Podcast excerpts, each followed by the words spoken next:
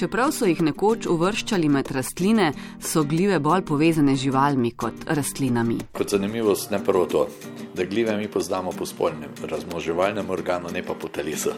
Ker telo je navadno v zemlji ali v lesu, in ko se oskrbi to telo z energijo, požene pa razmoževalni del in ta se res ne premika. In ker se ne premikajo, smo jih pač uvrstili med rastline. Vendar so leta 1969 leta so gobe razvrstili v samostojno kraljestvo živih biti, večcelični živi biti. To pa zaradi to, ker je metabolizem, ki poteka v celicah, bolj podoben živalim, živalskem metabolizmu kot pa rastlinam. In uh, zato je najbolj prav, da so jih razvrstili v samostojno tretje kraljestvo več celičnih živih biti. Sicer imamo kraljestvo pet, ne, ampak več celičnih pa je to tretje kraljestvo biolog dr. Franz Pohleven, tudi zaslužni profesor Univerze v Ljubljani, je vso svojo kariero predaval na biotehnički fakulteti, med drugim tudi o lesnih škodljivcih, med katere sodijo nekatere gobe. In kako je zdaj s poimenovanjem? Glive ali gobe? Spet sem povrnil razmoževalnemu organu. Torej, eh, veliko, veliko strokovnjakov eh, prav zaradi tega razmoževalnega organa uh, uvršča gljive med mikroorganizme. No, in zdaj bom razložil ta pojem. Število pisanih vrst je okrog 100 tisoč, predvidevajo pa, da jih je okrog 700 do milijon, torej še ogromno gob je za treba upisati. Od teh 100 tisoč je mogoče s prostim očesom vidnih razmoževalnih organov, tam okrog 3500, pa če še malo lupa, z lupo enostavno, mogoče 5000. In te z prostim očesom vidni trosnjaki ali pa razmoževalni organi imenujemo goba. Medtem ko vseh ostalih 95 tisoč ima pa razmoževalne organe mikroskopsko majhne. Ampak glede na razmoževalni organ ne moramo reči, da so gobe mikroorganizmi, kajti pod tem je pa ogromno podgobje in glede na podgobje pa lahko rečemo, da so gljive največji organizmi na svetu. Jurčki, gobani, mušnice in vse preostale gobe so torej le razmnoževalni organ precej večjega organizma, celo največjega. V Ameriki so našli gljivo, katere podgobje ali pa kar telo gljive, ki je sestavljeno iz drobnih nitk HIV, prekriva površino skoraj 900 hektarjev. V Ameriki so to odkrili, ko imajo identifikacijo eh, vrst ali pa osebkov z to PCR metodo na osnovi genoma, so ugotovili, da je eno veliko področje, kjer so propadle drevesa, ker je bila parazitska gljiva in potem so analizirali, katere gljive so to povzročile in na koncu so ugotovili, da je to ogromno področje ena sama gljiva, ena sama organizem to povzroča. Pri nas je gob tistih, ki se jih vidi, od 2800 do 3000 vrst. Sicer pa so gljive heterotrofni organizmi, kar pomeni, da si ne morejo same ustvarjati organskih snovi, ampak živijo na že ustvarjeni. To je lahko na živali, rastlini ali na drugih gljivah in so, recimo, temu kar mrhovinari, pravi dr. Franz Pohleven. In nadaljuje, da se gljive oskrbujejo z energijo na tri načine, med katerimi je tudi parazitski. Eden od najbolj priljubljenih, pa najbolj znanih uh, gob eh, so mikorizne gljive ali gljive, ki so v sožitju s koreninskim sistemom višjih rastlin. Te ne razkrajajo, ampak te dejansko najdejo povezavo s koreninami, ne da bi jih zajedali, ampak v sožitju. Korenine oskrbujejo z mineralnimi snovmi, z vodo in pa varujejo jih pred patogenimi organizmi. Rastlina jim pa zato daje pa glukozo, ki je produkt fotosinteze in na ta način oba pridobita. To je mikorizna in med te spadajo od mušnic, jurčkov, golobic in te gobe, ki mi v gozdu nabiramo. Nažalost, te gobe imajo zelo močno absorpcijsko moč in v zadnjih letih smo ugotovili, da, da poleg teh koristnih snovi gobe vsebujejo te, ki nabiramo v gozo, tudi veliko teh težkih kovin, veliko tudi stropenih. Ampak dobra stran tega pa je, da v rastlino pa teh ne pošiljajo. Druga skupina ste že vi rekli škodljive ali parazitske. To so pa gobe, ki svojimi eh, temi hifami prodrejo v žive celice in jih razkrajajo. To so pa lahko pri človeku mikoze, ne, med prsti, v dimljah in v lasišču in tako dalje, potem pri živalih In pa seveda najbolj poznane so pri rastlinah, kot je fitoftora, peronospora, se poznate vinogradništvo, to so pa tiste rastlinske bolezni, živalske bolezni, bolezni človeka.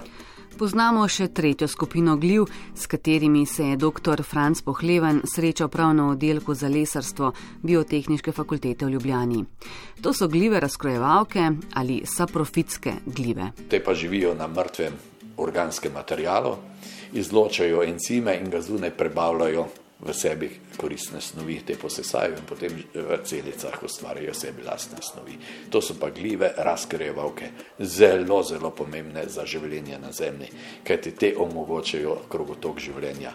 In te so tiste gljive, ki pripravijo eh, ta tla za mikorizne gobe, ki so potem te minerali dostopne eh, mikoriznim, ki jih pa lahko posredujejo pa rastlinam. Med temi, ko smo zdaj le govorili, Seveda so take škodljive, kot so hišne gobe, ki razkrajajo te pač izdelke, ampak te so zelo koristne za naravo.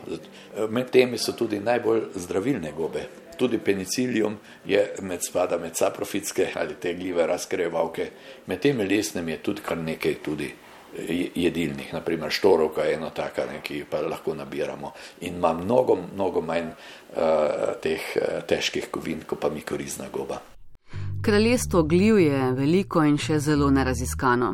So skriti potencial za človeka na področju medicine, zdravstva, pa tudi varovanja okolja.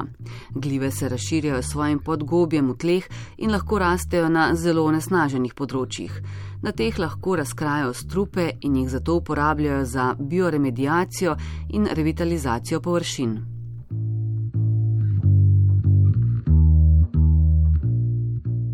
Na kitajskem, naprimer, drevesno gobo rejši poznajo pod imenom, ki pomeni goba nesmrtnosti in tam radi pijejo čaj iz te gobe. V vsakem primeru pa je treba gobe, tudi lesne in vse druge, poznati in prepoznati, povdarja Franz Pohleven. Tukaj moramo torej ročiti. Eno je uh, iz gob, ki so zdravila. To je najbolj penicilin, ampak iz roženih rožičkov so pa tudi redergin. To je uradno zdravilo. Ogromno je pa gob, ker še pa ni raziskanega. Vemo iz izkušenj, iz kitajske medicine, tudi iz vlastnih izkušenj, da so pa te lesne gobe pa zdravilne. To pa pomeni, niso zdravilo, ampak na človeka pa sigurno eh, pozitivno delujejo kot vrčajčki. Kot zanimivost naj povem, da so pred leti eh, odkrili eh, mumijo Öci in pri njem so našli tudi dve lesni gobe. In strokovnjaki predvidevajo, da, da so obe zdravilni, ker silno gobo mogoče tudi za netenje ognja, medtem ko brezovo goba je pa zdravilna proti virusom, zajedavcem črvesja, je pa verjetno imel ECI kot sabo, kot zdravilo. V tem pestrem svetu gljiv omenimo še eno, parazitsko, ki so jo poimenovali zombi gljiva. Ta se naseli v možganjih mravelj in vpliva na vedenje živali, ter jih usmerja do kraja, kjer so pogoji za rast gljive ugodnejši. Tam mravlja zagrize v rastlino, ki da gljivi hrano za njeno rast. Mravlja umre, gljiva pa iz nje požene trosnjak. Bolj zanimivo je so termiti ki si v svoje termitnjake nanosijo rastlinskega materijala in potem na teh oni gojijo gobe. In to lahko zelo orjaške, seveda hranijo se z micelijem, ki preraste, če je pa zelo dober obrod, pa požene iz termitnjaka tudi trosnjak. Torej, termiti, podobno kot mi šampinjone ali pa ustrigaje, gojijo te termitimices.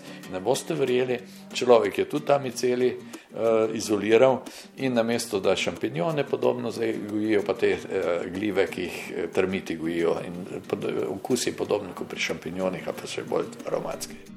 Sva pa se z biologom Francem Pohlevnom spomnila še enih gob, ki jih goji človek in jim sam na mesto gologlavke reče kar noroglavke. To so uh, gologlavke, ne psilocibe. Uh, rastejo po vsem svetu, ampak najbolj so znane mogoče mehiške, v Mehiki, ne, Meksikana, psilocibe Meksikana. Jaz bi rekel, da, da niso tako nenavarne, kot nekateri mislijo, ker ti pri nekaterih lahko trajne poškodbe celo povzročajo pri zaužitju. Indijanci so jih eh, pri svojih obredih uporabljali. Ne. Sicer pa so te gobe razširjene po vsem svetu. Eh, celo ena se imenuje eh, psilocibe serbika, po Srbiji ne celo. Ne, tako, ja. Čeprav so gobe običajno v spredju jeseni, lahko tudi spomladi najdemo dve vrsti in sicer marčnice in maurahe. Če pa vam glive niso blizu in njihovih raznoževalnih organov, torej gob, ne nabirate, so vam morda vseeno bliže, kot si mislite. Ko pijete pivo, vino ali jeste kvašen kruh s plesnivim sirom.